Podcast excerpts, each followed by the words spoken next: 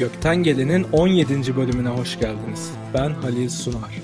Beraber olduğumuz süre boyunca UFO'lardan, dünya dışı varlıklardan ve paranormal olaylardan bahsedeceğiz.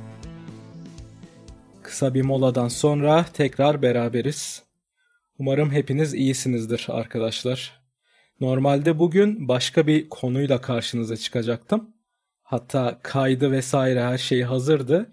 Ama bugün çok çok önemli bir olay yaşandı bizzat Meksika hükümetinin Meksika Kongresi'nin önderliğinde bir açık oturum gerçekleştirildi ve iki tane uzaylı varlığın bedenleri salona getirilerek basına gösterildi. Evet yanlış duymadınız. Hayatını kaybetmiş olan iki uzaylının cesetleri salona getirildi ve bütün dünya ile bu görüntüler paylaşıldı. Olayın sıcaklığından dolayı belki farkında değiliz ama şu an tarihe tanıklık ediyor olabiliriz arkadaşlar. İnsanlık tarihinde ilk defa bir hükümet yani resmi kanallar böylesine bir ifşada bulunuyor.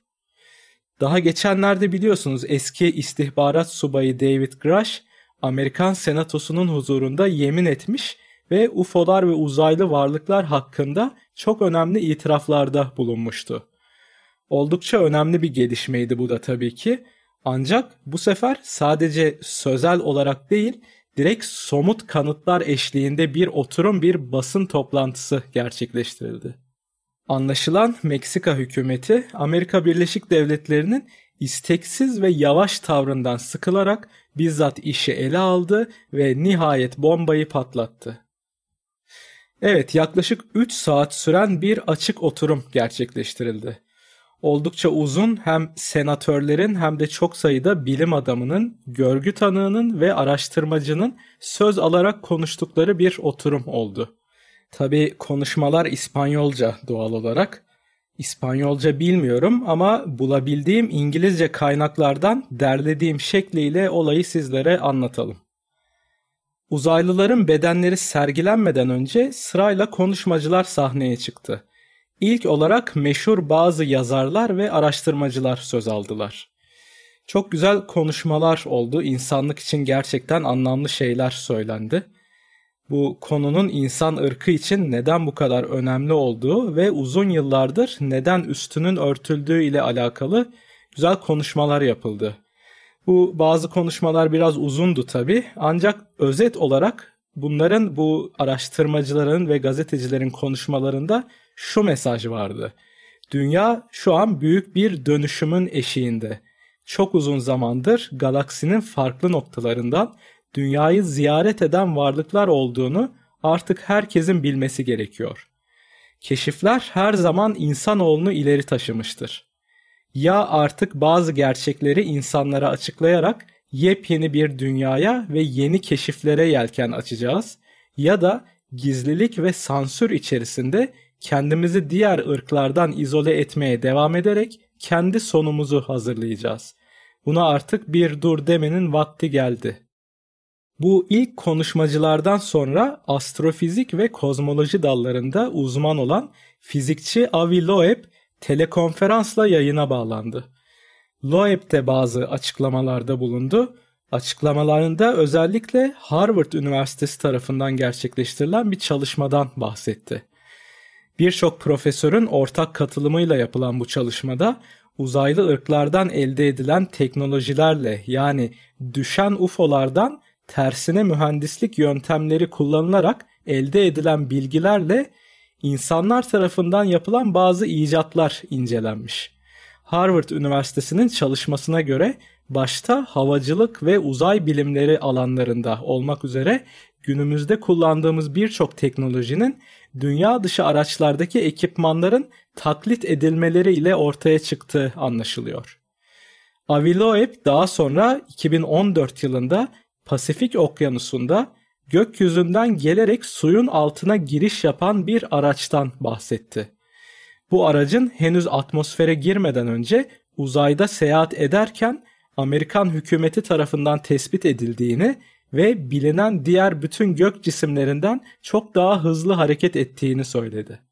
Ayrıca bu aracın atmosfere girdikten sonra herhangi bir hasar belirtisi göstermediğini ve dolayısıyla oldukça dayanıklı bir maddeden yapıldığını anlattı.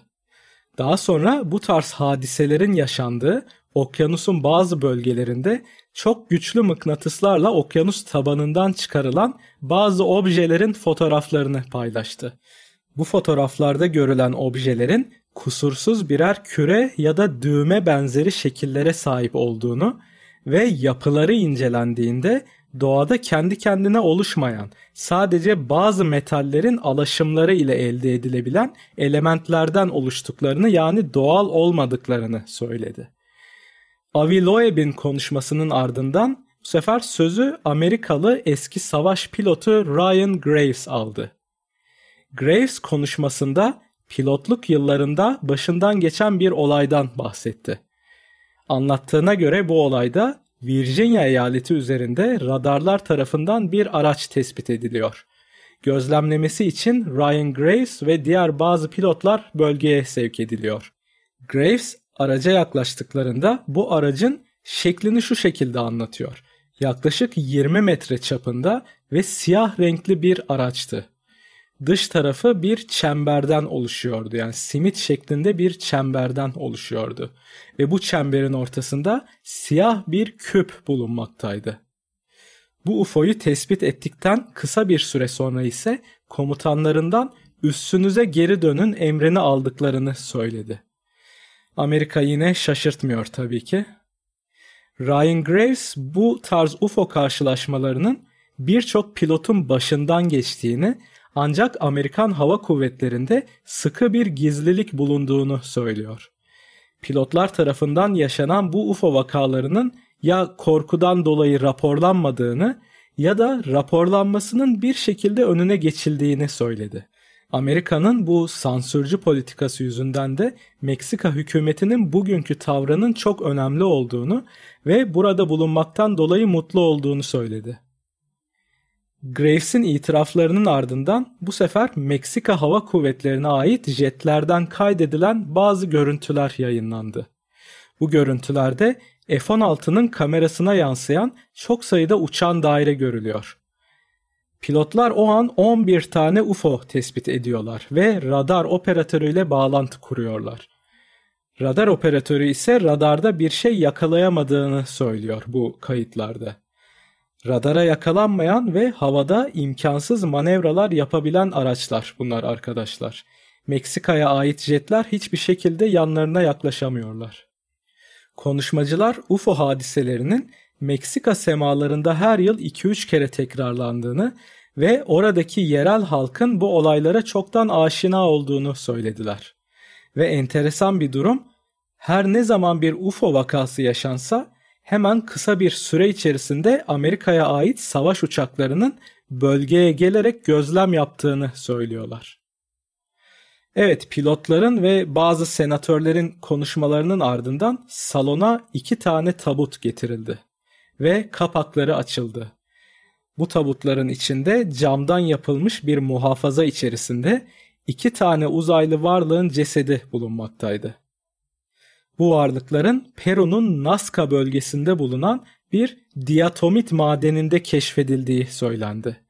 Yetkililer karbon tarihleme deneylerine göre varlıkların yaklaşık bin yıl önce öldüklerini ve bölgedeki çöl ikliminden dolayı kuruyarak mumyalaştıklarını söylediler. Zaten daha önce de Orta ve Güney Amerika'nın bu kurak bölgelerinde insan mumyaları da bulundu arkadaşlar. Azteklere ve İnkalara ait mumyalar bulundu. Bunlar yüzlerce yıllık mumyalar ve oldukça iyi düzeyde korunmuş bedenleri. O bölgelerde bakteri üreyemediği için çöl ortamında bedenler çürümeden kendi kendine kuruyup mumyalaşabiliyorlar. Nazca çölündeki bir madende keşfedilen bu varlıkların bedenleri de aynı şekilde bin yıl boyunca bütünlüğünü korumuş. Evet tabutlar açıldıktan sonra sözü Doktor Jose Salce Benitez aldı. Meksika Donanması Sağlık Enstitüsü Başkanı. 30 yıllık deneyime sahip bir doktor kendisi. Doktor Benitez bu bedenler üzerinde dünyadaki birçok üniversite ve bağımsız laboratuvar tarafından DNA testleri yapıldığını ve dünyada bilinen hiçbir canlı türüyle bağlantılarının olmadığını söyledi. Daha sonra detaylı tomografi görüntüleriyle birlikte tespit edilen şeyleri sıralamaya başladı. Dediğimiz gibi yaklaşık bin yıl önce öldükleri keşfedilen bu uzaylı bedenleriyle alakalı tespit edilen hususlar şu şekildeydi.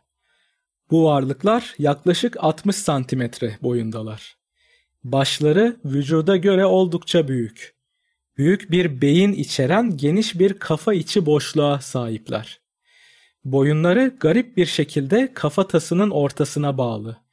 Bu alışılmadık bir durumdur. Çünkü primatlarda yani insanlar da dair bütün, bütün primatlarda boyun genellikle kafatasının ortasına değil arkasına birleşir.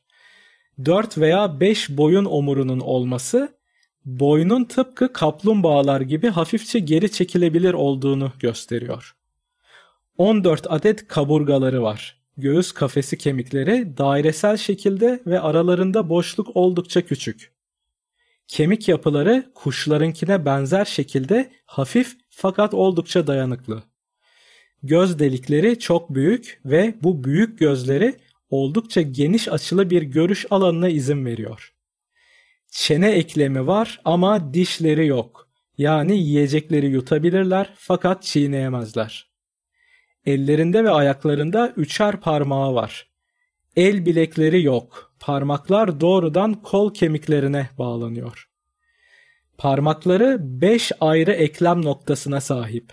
Baş parmakları olmayan bu varlıkların nesneleri kavrayabilmeleri ve hareket ettirebilmeleri için parmakları bizlerden çok daha fazla eklem noktasına sahip yani. Parmak izleri kare şeklinde. Bizimki gibi elips değil, köşeli, kare ya da dikdörtgen benzeri parmak izleri var ki bu dünyada hiçbir canlıda bulunmamaktadır.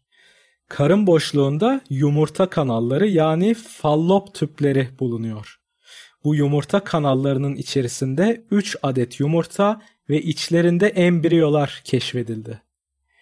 Vücudun bazı noktalarında deri altına mükemmel bir şekilde yerleştirilmiş deri ile kaynaşmış metal implantlar tespit edildi.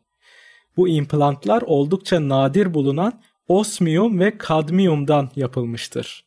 Çok enteresan bir olay bu bu detay olarak bu madenler günümüzde telekomünikasyon uydularının yapımında kullanılıyor arkadaşlar. Yani bir çeşit deri altı iletişim cihazı olma ihtimalleri var. DNA sonuçları dünyada bilinen 1 milyondan fazla türle karşılaştırıldı ve genetik materyalin %30'u hiçbir türle eşleşmedi. %30 DNA farkı çok büyük bir fark bu arada onu da söyleyelim. Yani örnek olarak şöyle anlatalım. İnsan DNA'sı ile maymunlarınki arasında %3 civarı bir fark var. İnsan DNA'sı ile bakteriler arasında ise %15 fark var. Yani bakterilerin DNA'ları bu varlıklarınkinden daha benzer bir yapıya sahip insan DNA'sına. Yani bu varlıklar dünyada bilinen türlerle hiçbir ortak ataya sahip olmayan gezegen dışı bir türdür. Evet, varlıkların biyolojik özellikleri bu şekilde tanımlandıktan sonra başka bilim adamları söz aldılar. Bu bilim adamları Peru'nun Nazca bölgesinde 20'den fazla mumyalaşmış uzaylı cesedi bulunduğunu söylediler. Ancak bulunan bu bedenlerden yayılabilecek ve bizim bağışıklık sistemimizin tanımadığı, dolayısıyla bize karşı ölümcül olma ihtimali olan virüs ve bakteri tehlikelerine karşı önce biyologların çalışma yapacağı söylendi. Bu çalışmaların ardından eğer tehlike bulunmazsa bulunan bu diğer bedenlerin de basına gösterileceği söylendi. Bir de unutmadan ekleyeyim bu arada. Bu uzaylıların yüzlerini ilk gördüğümde, ilk açıldığında direkt bana bir çağrışım yaptı arkadaşlar. İlk bölümlerimizin birinde sanırım bahsetmiştik yanlış hatırlamıyorsam. Yani dönüp bakmam lazım tabii hangi bölüm olduğuna da şu an tam hatırlamıyorum. Yıllardır ufoloji çevrelerinde konuşulan bir konu var arkadaşlar. O da şu. Özellikle 1970'li yıllardan itibaren Hollywood tarafından yapılan birçok uzay filminde bu filmlerin senaryolarının CIA destekli olarak hazırlandığı iddia ediliyor. Yani iddia şu ki çekilen filmler vasıtasıyla insan popülasyonunu yıllardır hazırlıyorlar bu konuya. Ve bu filmlerin senaryoları yazılırken bizzat CIA tarafından senaristlere bazı bilgilerin verildiği ve bu filmlerin bu bilgiler ışığında çekildiği söyleniyor. Verilen bu bilgilerin arasında uzaylı varlıkların anatomik yapıları da bulunuyor ve Hollywood filmlerindeki uzaylı varlıkların betimlemelerinde bu bilgilerden faydalanılıyor. Size sadece iki tane örnek vereceğim arkadaşlar. Bugün Meksika'da gösterilen uzaylılara ne kadar benzediklerini göreceksiniz. Birincisi 1977 yılında çekilen Üçüncü Türden Yakınlaşmalar filmi. Filmin sonlarına doğru uzaylıların insanlarla bir araya geldiği bir sahne var. Orayı bir izleyin ve oradaki uzaylıların yüzlerine ve bedenlerine bakın. İkinci film ise 1982 yılında çekilen E.T. filmi. E.T. E.T. yani bu iki filmi inceleyin ve sonra bugün gösterilen uzaylıların fotoğraflarına bakın. Zaten ne demek istediğimi anlarsınız arkadaşlar. Evet durum bu. Yani tekrar söyleyelim. İlk defa resmi makamlarca böylesine detaylı bir oturum yapıldı. Önceden de bahsettiğimiz gibi hem teknolojinin hem de insanların düşünce yapılarının değişmesiyle birlikte artık UFO'lar ve dünya dışı varlıklar üzerindeki sır perdelerinin bir bir kaldırıldığına ve insanların bu bilgi için hazırlandığına şahit oluyoruz şu an. 76 yıllık sansürün ardından nihayet yeni bir döneme girdik. Önce Amerikan Senatosu ardından da Meksika Senatosu ile başlayan bu ifşa sürecinin ben diğer hükümetler tarafından da takip edileceğini düşünüyorum şahsen. Özellikle Fransa ve Almanya gibi bazı Avrupa hükümetlerinden de yakın zamanda bu tarz basın toplantıları yapılıp top secret bilgiler paylaşılmaya başlanacaktır diye düşünüyorum. Kısacası yeni yeni olaylara hazır olun derim. Evet 17. bölümünde sonuna geldik. Bize ulaşmak isterseniz mail adresimiz goktangelenpodcast.gmail.com Yayınlarımızı beğeniyorsanız Spotify üzerinden Support the Show tuşuyla bağışta bulunabilirsiniz. Ya da Instagram sayfamızı ve bölümlerimizi çevrenizle paylaşarak bizlere destek olabilirsiniz. Bir sonraki bölümde görüşmek üzere, hoşçakalın.